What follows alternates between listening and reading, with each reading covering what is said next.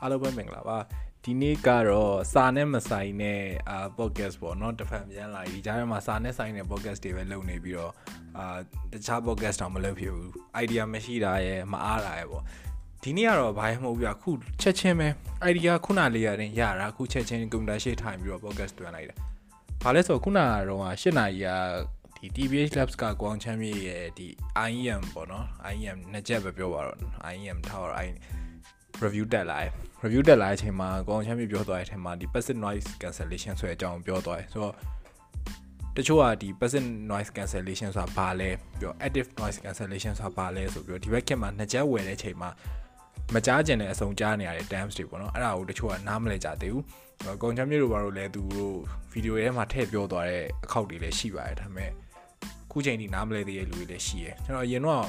ဒီကို personal website လေးရှိတော့ကတော့ အဲ့မှာ article တစ်ခါရေးဘူးတယ်ဒါပေမဲ့ website ကလာစဉ်ကြီးမပေးနိုင်တော့လို့ဖြုတ်ချလိုက်တော့အဲ့ article ကမရှိတော့ဘူးပေါ့ဆိုတော့ဒါကတော့အတန် version audio version အနေနဲ့ဒီ active noise cancellation passive noise cancellation အကြောင်းပြောပါဆိုတော့အဲ့ဒါပြောရင်အရန်ဘယ်လောက်မှရှိမှာမဟုတ်ဘူးเนาะတူတူလေးပဲလိုရင်းတူရှင်းပဲပြောရမှာဆိုတော့တခြားငကြက်ဝင်သိရမယ့်အကြောင်းလေးတွေပါကျွန်တော်ထည့်ပြောသွားဖို့တော့ဒီ podcast မှာစိတ်ကူးထားတယ်ဆိုတော့ active noise cancellation နဲ့ passive noise cancellation ဆိုတော့မပြောခင်မှာ ဒီဟာတွေကဘာလုပ်တာလဲဆိုတော့သူတို့ဒီနီးစနစ်သုံးတဲ့နီးစနစ်သားမတူတာအဓိက target ဒီတစ်ခုတည်းပဲ cancellation သူတို့ဒီ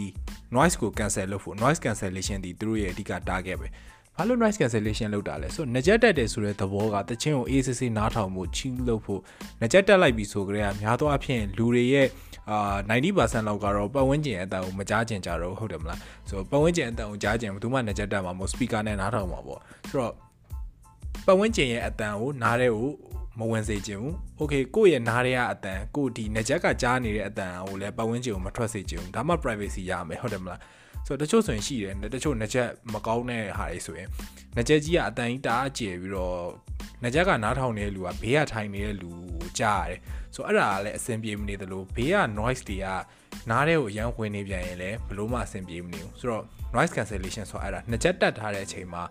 ပတ်ဝန်းကျင်က အတန်ပေါ့နော်ပတ်ဝန်းကျင်က noise ပေါ့မလိုအပ်တဲ့ noise မလိုအပ်တဲ့ noise ဆိုတဲ့နေရာမှာငကြက်တက်လိုက်ပြီဆိုမှတော့ပတ်ဝန်းကျင်အတန်မှန်သမျှ noise လိုပဲလူတတ်မှတ်တယ်ပေါ့နော်ဆိုအဲ့ noise တွေကိုတတ်နိုင်သမျှမဝင်အောင်လုံးဝကြီးမဝင်အောင်တော့လုပ်လို့မရအောင်တတ်နိုင်သလောက်မဝင်အောင်ရောနိုင်သမျှရောအောင်လုပ်တဲ့ဟာကို noise cancellation လို့ခေါ်တယ်ဆိုတော့အဲ့ဒါမှာမှာ passive noise cancellation နဲ့ active noise cancellation ဆိုပြီးတော့အဓိကဟိုဟာတော့เนาะအာအဓိက method နှစ်မျိုးရှိတယ်ဆိုတော့ passive noise cancellation ကိုအရင်ပြောပြမယ် passive noise cancellation ဆိုတာတော်တော်လေးရိုးရှင်းတယ်လိုရင်းတို့ရှင်းပြောရမယ်ဆိုရင်ကိုနားကိုပိတ်လိုက်ဘေးကအတန်မကြားတော့ဘူးလားလုံသွားရမလားအဲ့ဒါက passive noise cancellation ပဲအဲ့လောက်ရိုးရှင်းတယ်ကိုကကိုနားကိုပိတ်လိုက်တယ်ဆိုတော့ဟာမျိုးကိုဒီနှစ်ချက်ရဲ့ tips ပေါ့နော်နှစ်ချက်ကကိုနားတွေကိုအံဝင်ဝင်ချဖြစ်ချင်းမဖြစ်ချင်းနဲ့ဟိုကိုလက်နဲ့နားကိုပိတ်လိုက်တဲ့အရာသာမျိုးရအောင်ဒီနှစ်ချက်ရဲ့ tips ကိုတေချာလုံအောင်နားနဲ့ fit ဖြစ်အောင်လူတိုင်းရဲ့နားနဲ့ fit ဖြစ်အောင်နှစ်ချက်ကုမ္ပ ဏီတွေက design ကိုတေချာဆွဲပြီးတော့ကြတော့ဟိုဘယ်လိုပြောမလဲလုံအောင်ပေါ့နော်နားနဲ့ဒီနှစ်ချက်ရဲ့ area နဲ့ထိတဲ့ဟာကိုလုံးဝကွက်တီ fit ဖြစ်အောင်ထုတ်လိုက်တာထုတ်လိုက်တဲ့အခါမှာနားနှစ်ချက်ကိုတက်လိုက်တဲ့အချိန်မှာလုံးဝနားလုံနေတယ်လို့မျိုးဖြစ်ပြီးဘေးရတမ်းမကြရတော့ဆိုတော့ အဲ့ဒါ business noise cancellation ကအဆင်ပြေလားမပြေလားဆိုတော့ကိုနားကိုပိတ်ပြီးစမ်းကြည့်လို့ရတယ်ကိုနားကိုပိတ်လိုက်ပြီးရင်ကိုယ့်ကိုစကားပြောကြည့်ကိုစကားပြောတဲ့အတန်နည်းနည်းပိုးကျယ်လာတယ်ဘေးပတ်ဝန်းကျင်အတန်မကြတော့ပိုးပြီးလုံလာတယ်ပေါ့အဲ့လိုသဘောမျိုးပဲနှစ်ချက်တည်း business noise cancellation အဲ့လိုမျိုးအလုပ်လုပ်တယ်ဆိုတော့ဒါကပြောတော့တာလွယ်တာဗျတကယ်တော့ထင်သလောက်မလွယ်ဘူးလူတွေရဲ့နားသည်တယောက်နဲ့တယောက်မတူဘူးအဲ့အတွက် ကုမ္ပဏီတွေကရေဘူးရပဲခြုံပြီးတော့ထုတ်ပေးလို့ရဆိုတော့အဲအကြောင်းနောက်ပိုင်းမှာတော့ဒီငကြက်တွေကအရင်လိုမျိုးရိုးရိုးဒီလိုငကြက်တွေမလာတော့ဘဲနဲ့ ear tips နဲ့ငကြက်တွေလာတယ်အဲ့မှာတော့ tips တွေလဲလို့ရတဲ့အတွက်အဆင်ပြေလာတယ်ဟိုးရင်တော့ငကြက်တွေမှာဆိုရင်ကိုနဲ့နာကိုနာနဲ့ကြိုက်ချင်ပါကြိုက်တာဆိုတော့ငကြက်ဝယ်ရင်အဲ့ဒီတစ်ချက်ကအရေးကြီးတယ်ငကြက်ဝယ်ရင်သူများအဆင်ပြေတယ်ဆိုတော့မပြေဘူးပြီးတော့နောက်တစ်ခုပြောချင်တာ audio quality audio quality မှာလည်းတယောက်နဲ့တယောက်အာ profile ဖြစ်တာချင်းမတူအဲ့ဒါလည်းတစ်ခုပြောချင်တယ်ငကြက်ကိုဘယ်သူကတော့ အာကောင်းတယ်လို့ပြောလို့ဝယ်လိုက်တယ်ဆိုတာမျိုးမလုံးနဲ့ပေါ့နော်ဒီနေရာမှာပြောချင်တာအဓိက audio file တွေကိုပြောချင်တာဒီတိုင်းရိုးရိုးနားထောင်ရပြီးရောဆိုရလူရတော့ပြဿနာမရှိဘူးဝယ်ချင်တာဝယ်ဒါပေမဲ့ audio file နေပေါ့နော်တိတိကျကျ audio တိတယ်ဒါ base များနေရလား travel များနေရလားအဲ့လောက်ခွဲဟိုအရင်ကြီး audio file ဖြစ်စရာမလိုဘူးဗျာအဲဒါဒီ base များနေလား travel များနေလားဆိုတာကိုခွဲတဲ့အရင်ကိုပဲ ဒါ audio ရဲ့ taste ကိုသိပြီလို့ပြောလို့ရတယ်အဲ့ဒါဆိုရင်နှစ်ချက်ဝယ်တဲ့နေရာမှာနည်းနည်းရွေးရမယ့်အပိုင်းလေးပါလာပြီ game manager ဝယ်မှာလား game manager ဝယ်မှာဆိုရင် audio quality ပြောရရင်တော့ travel flat ဖြစ်တဲ့ဟို graph မှာဆိုရင် flat ဖြစ်တဲ့ audio quality ကိုဘယ်တော့မှမမျှော်မှန်းနဲ့ကိုလိုချင်တာနဲ့ wants နဲ့ needs နဲ့ပေါ့နော်အဲ့ဒါကိုသိရမယ်လိုချင်တာကတော့ဒီသူများတွေထားဝယ်နေလို့ဆိုပြီးတော့ဒါလိုချင်တယ် ဝယ်ခြင်းတယ်ဒါပေမဲ့ကိုလိုအပ်နေတာတခြားဟာဆိုအဲ့လိုမျိုးမရဘူးဆိုတော့ audio file နည်းနည်းလေး audio file ဖြစ်လာပြီဆိုရင်ကိုဝယ်မဲ့နှစ်ချက်ကဘာလဲကိုလိုချင်တာဘာလဲဆိုတော့သိမှဖြစ်မယ် okay ဆိုတော့ထားပါတော့နည်းနည်းမဆိုင်တာကြားဖြတ်ပြီးပြောရများသွားပြီ cancel noise cancellation ကိုပြန်သွားမယ် ဆိုတော့ passive noise cancellation ကတော့ရှင်းရှင်းလေးရယ် active noise cancellation အကြောင်းပြောမယ်ဆိုတော့ active noise cancellation နဲ့ passive noise cancellation ကိုဘာကွာလဲဆိုပြီးပြောရရင် physically လောက်တာနဲ့ digitally လောက်တာနဲ့အဲ့ဒါကွာရယ် physical ကလောက်တယ်ဆိုတော့ခုနပြောလို့နားကိုပိတ်လိုက်တယ်လို့မျိုးဖြစ်အောင်လုပ်လိုက်တာဒါ physical နည်းအရာလောက်တာပေါ့နော် digital နည်းရာလောက်တာဆိုတာဘယ်လိုလဲဆိုတော့အတန်ရဲ့သဘောတရားကိုအရင်ပြောပြမယ်ပေါ့နော်ဆိုတော့အတန်ကဒီအတန်လှိုင်းနေရနေတဆင့်လာတယ်လှိုင်းတွေကိုဘာနဲ့တိုင်းလဲဆိုတော့ hertz တို့အာပြီးတော့ decibel decibel တို့နဲ့တိုင်းတာတယ်ဆိုတော့ထားပါတော့ decibel နဲ့ပဲဥပမာပေးမယ်ဆိုတော့ကိုယ့်ရဲ့နားထဲကိုဝင်လာတဲ့အတန်က 20 decibel ရှိရထားပါတော့ဒါဒီဥပမာပေးတာเนาะဒီကိန်းဂဏန်းနေဒီအထိပ္ပယ်ရှိကြမှာလည်းရှိလိမ့်မယ်ဘာလို့ဆိုတော့ decibel တွေဘယ်လောက် unit ကဘယ်လောက်တန်ဖိုးတွေရှိနေလဲဆိုတာလည်းကျွန်တော်မသိဘူးဥပမာကိုပြောရအောင်เนาะဒီဟာဒီသဘောတရားကိုနားလည်အောင်သာဥပမာပြောခြင်းနံပါတ်တွေအထိပ္ပယ်ရှိမယ်လို့တော့အာမမခံနိုင်ဘူးဆိုတော့20 decibel ရှိရထားပါတော့ဆိုတော့တင်ချာနဲ့လည်းသဘောတရားချင်းကတက်ဆိုင်တယ်ဆိုတော့ကျွန်တော်ဒီ plus ဒီ minus နဲ့ကြည့်ဆိုတော့ frequency ဒီအပြင်ကဝင်လာတဲ့ frequencyဒီ20 decibel ရှိရဆိုရင်ဒီ နှစ်ချက်ထဲမှာပါတဲ့ edit noise cancellation ပေါ့နော်သူ software နဲ့ဝင်လာတဲ့အတန်ပတ်ဝန်းကျင်ကဝင်လာတဲ့အတန်ကိုတတ်တတ်တကူးတက mic တွေနဲ့ထပ်ဖမ်းတာဆိုတော့ပုံမှန်ဆိုရင်နှစ်ချက်မှာကိုယ့်ရဲ့ဒီဖုန်းပြောဖို့အတွက်တို့ဘာအတွက်တို့သုံးတဲ့ mic တစ်ခုပဲပါတယ်ဒါပေမဲ့ active noise cancellation ပါတဲ့နှစ်ချက်တွေမှာဆိုရင် mic ဒီအနည်းဆုံး3ခုကနေပြီးတော့အများဆုံး5ခု6ခု9ခုအဲ့လိုတွေထိနှစ်ချက်ကောင်းရင်ကောင်းတယ်လို့ပါတတ်တယ်အဲ့ဒီ mic တွေအများကြီးကဘာလုပ်တာလဲဆိုတော့ပတ်ဝန်းကျင်အတန်ကိုဖမ်းတာ ဆိုတော့နည်းနည်းတော့ဟာတာတော့နည်းနည်းတော့ဆန်တယ်ဗောနော်ဘာလို့လဲဆိုတော့ပတ်ဝန်းကျင်ကအတန်ကိုမလိုချင်ဘူးလဲပြောသေးတယ်တကူတကကိုပတ်ဝန်းကျင်အတန်ကိုသွားဖမ်းနေရဒါပေမဲ့ဖမ်းရတာအကြောင်းရင်းရှိရဗောနော်ဆိုတော့ကိုကပတ်ဝန်းကျင်အတန်ကိုမကြားကျင်ဘူးအဲ့ပတ်ဝန်းကျင်အတန်ကိုခြေဖြတ်ဖို့အတွက်အဲ့ပတ်ဝန်းကျင်ကအတန်ရဲ့ decibel ကိုတိဖို့လိုတယ် decibel ဖြစ်ဖြစ် frequency ဖြစ်ဖြစ်ပေါ့နော်တိဖို့လိုတယ်တိဖို့လိုတဲ့အတွက်တကူတကကိုပဲပတ်ဝန်းကျင်မှာစူညံနေတဲ့အတန်တွေကိုအဲ့မိုက်ပေါင်းများစွာနဲ့အတန်ကိုဖမ်းလိုက်တာဖမ်းပြီးတော့ software ထဲမှာအဲ့ဒီ အတန်နဲ့အဲ့ဒီပတ်ဝန်းကျင်က noise နဲ့ညီတဲ့အတန်လှိုင်းဟို minus နဲ့ပြန်ခြေပြီးတော့လူရဲ့နားကိုလူရဲ့နားတွေကိုမဝင်အောင်ပြန်ပြီးတော့ခြေတယ်ဆိုတော့ပြောရရင်အပြင်ကပတ်ဝန်းကျင်ကဝင်လာတဲ့အတန်က20 decibel ရှိရထားပါတော့အဲ့ဒီ20 decibel ကိုနှစ်ချက်က mic တွေကနေဖမ်းပလိုက်တယ်ပြီးရင် -20 decibel နဲ့ခြေလိုက်တယ်အဲ့တော့လူတွေရဲ့နားတွေကို noise မဝင်တော့ဘူးဆိုတော့တော်တော်လေးတော့ magic ဆန်တယ်ပေါ့ဒါပေမဲ့တကယ်တမ်းအခုလက်ရှိသုံးနေတဲ့အလုပ်ဖြစ်နေတဲ့ဟာဆိုတော့ active noise cancellation နီးပညာတအားမြင်တာဖြစ်တဲ့အတွက်ဈေးနေတဲ့နှစ်ချက်တွေမှာကောင်းလေမရှိဘူးဆိုတော့ဈေးများတဲ့နှစ်ချက်တွေမှာကောင်းတဲ့ဟိုထူးခြားတဲ့အောင်မြင်တဲ့ active noise cancellation တွေကတော့ Apple ရဲ့ AirPods တွေပေါ့နော် AirPods မှာ AirPods ဒီ1 traditional version ကတော့မပါဘူးထင်တယ်ဘယ် version ကစပါလဲတော့ကျွန်တော်မသိဘူး AirPods တွေအခုနောက်ပိုင်းထွက်တဲ့ AirPods တွေမှာဆိုရင် active noise cancellation တော်တော်လေးကောင်းတယ်ပြီးတော့ Sony ထဲမှာလည်း noise cancellation ကောင်းတဲ့နှစ်ချက်တွေအများကြီးရှိတယ်အခုဆိုရင် တသိန်းကြော်ကြော်လေးလောက်နဲ့ active noise cancellation ကိုရနေတဲ့နှစ်ချက်တွေလည်းများနေပြီဒါပေမဲ့ဈေးရတော့ရမ်းกว่าတယ်ခုချိန်မှာ price to performance ကိုအရင်ကြီးစကားပြောကြပါမယ် active noise cancellation ကတော့ဟိုနီးပညာအရင်မြင်တဲ့အတွက်တား compromise လုပ်လို့မရသေးဘူးဈေးနဲ့ရင် quality မကောင်းဘူးဈေးများရင် quality ကောင်းမယ်ဒါပဲဓာတ်ရိုက်ပဲအချိုးကြတယ်ဖုန်းတွေလိုမျိုးဈေးနဲ့နဲ့နဲ့အာ performance ကောင်းကောင်းဖုန်းမျိုးရမယ်ဆိုတာမျိုးတော့မရှိသေးဘူးဘာလို့လဲဆိုတော့နီးပညာကမြင့်သေးတယ်ပေါ့နော်မြင့်လို့အရင်ကြီးဟို quality မှာအရင်ကြီးတော့ price to price to performance အရင်ကြီးမကောင်းသေးဘူးဆိုတော့ဒီ cancellation နှစ်ခုအကြောင်းကတော့ရှင်းသွားမယ်လို့ထင်ပါတယ်။နောက်ခုနပြောထားတဲ့အတိုင်းပဲပေါ့နော်။နှစ်ချက်ဝယ်တာမှာအသုံးဝင်မဲ့ dance play တချို့ထပ်ပြီးတော့ပြောပြမယ်။ဆိုတော့ Dolby Atmos ပေါ့နော်။ Dolby Atmos ဆိုတာဘာလဲ။အများသောအားဖြင့်တွေ့ရတဲ့ဒီ speaker တွေတို့ ပြောရရင်ဒီနှစ်ချက်တွေတို့မှာ Dolby Atmos ဆိုတာရှိတယ် Dolby ဆိုတာကဒီ audio company ဒီများသောအားဖြင့်ရုပ်ရှင်ယုံတွေပေါ့နော်ရုပ်ရှင်ယုံတွေမှာ surround sound ရတယ်ဗျာ surround sound ဆိုတဲ့အတိတ်ပဲကကျွန်တော်တို့ဒီနှစ်ချက်နှစ်ဖက်ကိုနားထောင်ရင်များသောအားဖြင့် stereo ပဲရတယ်ဘယ်နဲ့ညာနဲ့ပဲရတယ်ဒါတော့မှဒီဘက်ခင်မှာရတာဟိုးရင်ခေတ်ကနှစ်ချက်တွေက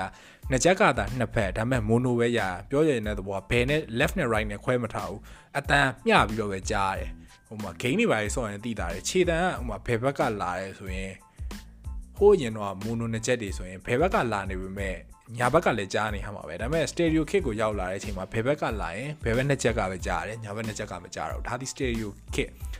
ရုပ်ရှင်ရုံတွေမှာကျတော့ surround sound သုံးတယ်ဆိုတော့ surround sound သုံးတော့ feeling ကဘယ်ပြောကောင်းမလဲဥပမာရှေ့ရလာလားနောက်ကလာလားရုပ်ရှင်ရုံတွေမှာသုံးတဲ့ surround sound က8.1 surround sound လားမသိဘူးကျွန်တော်တကယ်လို့မှားရင်လည်းမှားလိမ့်မယ်ဒီ podcast ကချက်ချင်းလောက်တာဆိုတော့ fact check ကတော့မလုပ်လိုက်ရဘူးမလုပ်လိုက်ရတဲ့အတွက်ကျွန်တော်ပြောရတဲ့ထဲမှာမှားသွားရင်လည်းခွင့်လို့ပါဒါပေမဲ့8.1လို့ကျွန်တော်ထင်တယ်ပြောရရင်တော့တကယ်လို့ကျွန်တော်ပြောတာဒါမမှားဘူးဆိုရင်8.1ဆိုရင်ဘယ်လိုလဲဆို audio ကအရက်ရှင်းမျက်နှာကနေပြီးတော့လာနိုင်တယ်ဆိုတော့ဟိုမှာရုပ်ရှင်ရုံရဲ့ရုပ်ရှင်ရဲ့ taste ကိုအတိအများကြီးခံစားရတာဥပမာထားပါတော့တရေကထွက်လာမယ်ထားပါတော့ဘယ်ကထွက်လာမှာလဲဥပမာရှေ့ရလားနောက်ကလားဘယ်ကလားညာလားအရှိတောင်နောက်တောင်အဲ့လိုမျိုးဘက်ပေါင်းစုံကနေပြီးတော့လာတဲ့ taste မျိုးခံစားလို့ရတယ်ဒါ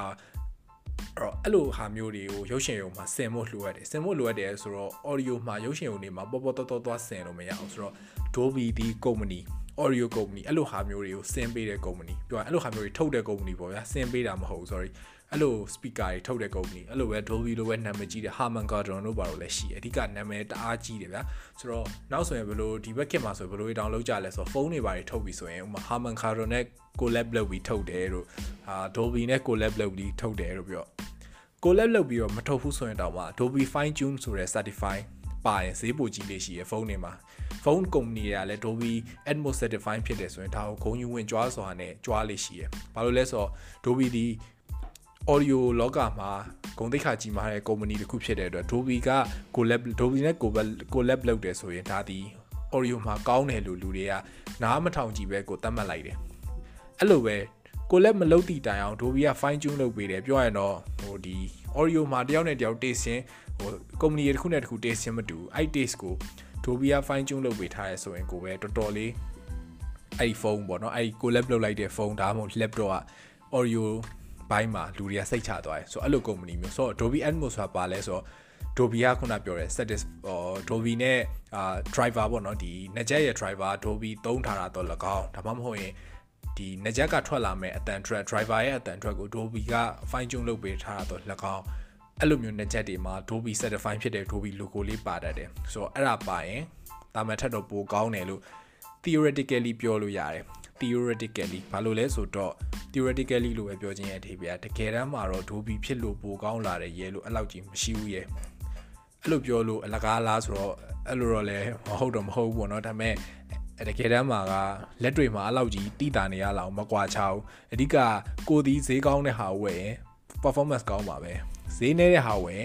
performance အာမကောင်းဘူးပဲဆိုတော့ထားပါတော့3သိန်းတန်လောက် Dolby Atmos ပါတဲ့နှစ်ချက်ကိုခွဲလိုက်တယ်ဆိုတော့၈သိန်းတန်နှစ်ချက်က Dolby Atmos မပါဘူးဆိုရင်ဘယ်ဟာ Dolby Atmos ပါတဲ့ဟာပိုကောင်းမယ်လို့ပြောလို့ရမလားမရဘူးမပါတဲ့၈သိန်းတန်ကပဲပိုကောင်းမှာပဲဆိုတော့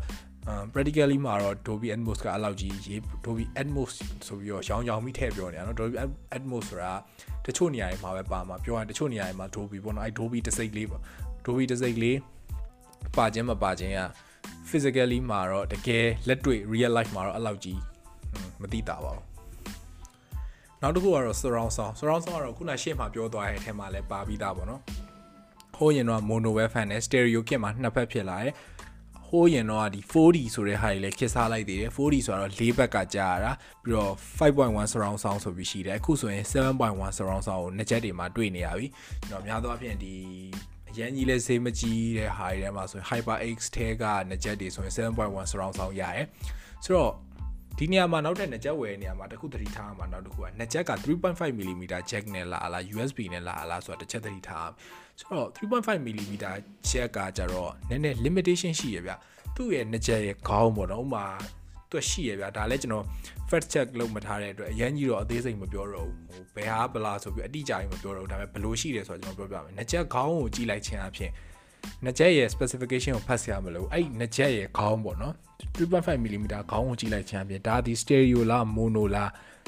surround sound ရလား mic ပါလားမပါလားဆိုတော့ခွဲတည်တယ်ဘလို့တည်ရလဲဆိုတော့ဒီ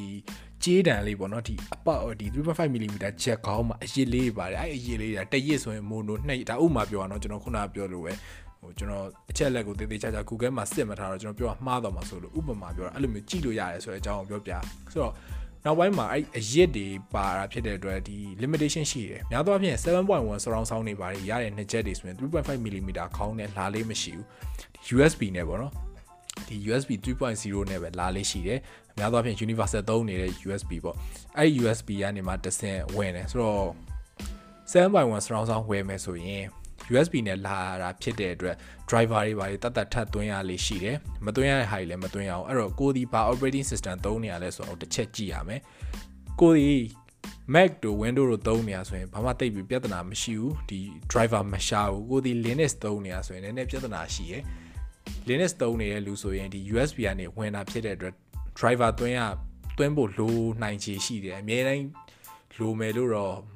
ကျွန်တော်မပြောလို့ပေါ့နော်တချို့ version တချို့နှစ်ချက်လိုရင်လိုမယ်တချို့နှစ်ချက်မလိုရင်မလိုဒါပေမဲ့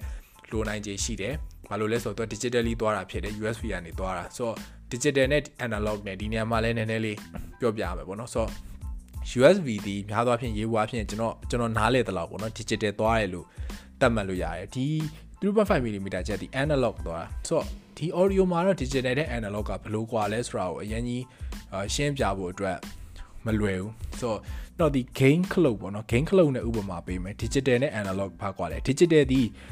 အလုံးနဲ့သိကြမှာပါ computer machine code 0နဲ့1ပဲနားလဲတယ်သူဒီတကားနဲ့ဥပမာပေးရမယ်ဆိုရင်ပိတ်ရင်ပိတ်ဖွင့်ရင်ဖွင့်မဟာတဟလေးတို့ဟာရဲတို့လေးပုံသုံးပုံဟာရဲတို့အဲ့လိုဟာမျိုးမရှိဘူးဒါကိုအာ digital လို့ခေါ်တယ် analog ဆိုတော့တကားကဘယ်လောက်လဲတလက်မဟာထားလားနှစ်လက်မဟာထားလားအဲ့လိုဂျားအခြေအနေလေးတွေပါရှိတဲ့ဟာကို analog လို့ခေါ်တယ်ဒါကတော့ဟိုကျွန်တော် game controller တွေမှာဒီဒီ PS4 controller တော့ဘာလို့မှာဒီလက်မလှည့်ရတဲ့ဘူးပေါ့နော်အဲ့ဘူးမှာဆိုရင်တချို့ဒီ digital ဆိုတော့တွန်းလိုက်ရင်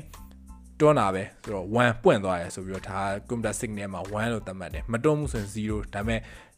analog controller ရေးဆိုရင်တော့အလဲမှာထားထားရင်အော်ဒါဒီလောက်ပဲတွန်းတယ်ဥမာကားတွေပါမောင်းတယ်အဲ့ controller နဲ့ကားမောင်းတယ်ဆိုရင် analog ဆိုရင်တွန်းလိုက်ရင်သူက1ပဲဘာမှအရှိန်တွေပါတတ်မှတ်လို့မရဘူးဒါပေမဲ့ sorry digital ဆိုရင်အရှိန်တွေပါတတ်မှတ်လို့မရဘူး analog ဆိုရင်တော့တစ်ဝက်လောက်တွန်းရင်ဒါကားရဲ့ lever တစ်ဝက်လောက်ပဲနင်းနေဆိုတာမျိုးအဲ့လိုမျိုးလုပ်လို့ရတယ်ပေါ့နော်ဆိုတော့ဒါဒီ controller နဲ့ analog နဲ့ digital နဲ့ဘယ်လိုကွာလဲဆိုတာကိုဒီ audio မှာမမြင်တာလို့တခြား controller တို့တကားတို့နဲ့ဥပမာပေးလိုက်တာပေါ့နော်ဆိုတော့ audio မှာတော့အဲ့လောက်ကြီးနမူနာပြလို့ဟိုမမြင်တာဘူးမြင်တာတဲ့ဥပမာရှိကောင်းလည်းရှိလိမ့်မယ်ဒါပေမဲ့ကျွန်တော်မပြတတ်ဘူးပေါ့နော်ဆိုတော့ analog အတိုင်းသွားတယ် analog အတိုင်းသွားရဲ့အတွက် limitation နည်းနည်းရှိတယ်ဆိုတော့ဟိုကောင်းတဲ့ချက်ဆိုးတဲ့ချက်ဒွန်တွဲနေရပါတော့ဆိုတော့ခုန game controller တို့ဘာလို့မှာတော့ analog ကကောင်းတယ်ဆိုပေမဲ့ဒီ audio မှာတော့ဒီ2.5 mm အခေါင်းက နည်းနည်း limitation ရှိရယ်နည်းနည်း high end tech တွေပါလာမယ်ဆိုရင်အရန်ကြီးဟွာမဖြစ်တော့ဘူးဘယ်လိုပြောမလဲရန်ကြီးကူးမဖြစ်ဘူးဗျာ limitation တွေရှိရယ်နောက်တစ်ခုကသူဒီ analog ဖြစ်တဲ့အတွက်ဒီ power ကို power ကျွေးဖို့အတွက်အခက်အခဲရှိအဲ့တော့နှစ်ချက်တွေဒီကိုယ့်ရဲ့နှစ်ချက်တွေဒီ bling bling အာ RGB မီးတွေလင်းနေမယ်အာအမျိုးစုံ vibration motor ရောဘာရောပါမယ်ဆိုရင်3.5 mm ခေါင်းနဲ့ဘလို့မှမဖြစ်နိုင်ဘူးဘာလို့လဲဆိုတော့ ဒီမီးတွေကို power ကျွေးရမယ်ပြီးတော့ vibration motor ကြီး motor ကြီးเนาะမီးတောင်မဟုတ် motor ကြီးကို power ကျွေးရမယ်ဆိုတော့ analog နဲ့ဘယ်လိုမှ power ကျွေးလို့အဆင်မပြေဘူးအဲ့အတွက် digital နဲ့ဒီ USB နဲ့ပဲသွားရတယ် USB မှာတော့ power ကိုတည်နိုင်စွမ်း data transfer လုပ်နိုင်စွမ်း power ကိုတည်နိုင်စွမ်းရှိရပါဘူးဆိုတော့အဲ့ဒါဒီကျွန်တော်တို့ဒီအခုဖုန်းတွေမှာသုံးနေတဲ့ဟာ USB လိုပဲလေအဲ့တော့ဖုန်းတွေတောင်အားသွင်းလို့ရသေးရဆိုတော့ power တည်နိုင်တဲ့အကောင်တွေကဒါပေမဲ့ analog 3.5 mm ခေါင်းက power တည်နိုင်လေးမရှိဘူးဆိုတော့အဲ့ဒါကိုတစ်ချက် ကိုဝယ်တဲ့အချိန်မှာကိုယ့်ရဲ့ဆက်ကကိုသုံးတဲ့ operating system ကဒီ USB ကို edit ဟို USB သုံးနိုင်လား USB လက်ခံနိုင်လားဆိုတာကိုကျွန်တော်ဝယ်တဲ့အချိန်မှာတစ်ချက်ကြည့်ရမယ်ဆိုတော့အခုစဉ်းစားမိတာတော့ဒီလောက်ပဲအမှန်ပြောရဲ့ခေါင်းစဉ်ကခုန idea ရတဲ့အထီက active နဲ့ passive noise cancellation အကြောင်းပြောဖို့ပဲဒါပေမဲ့အဲ့ဒါကြီးဆိုရင်တိုးနေလို့တခါလေပြောတဲ့နောက်တော့မထူးဆိုပြီးတော့နှစ်ချက်ဝယ်မဲ့လူတွေအတွက်နည်းနည်းဘူးတုဒရအောင် ထည့်ပြောလိုက်တာဆိုတော့ audio လောကလည်းအရန်ကြီးကျယ်ပြန့်နေဗျ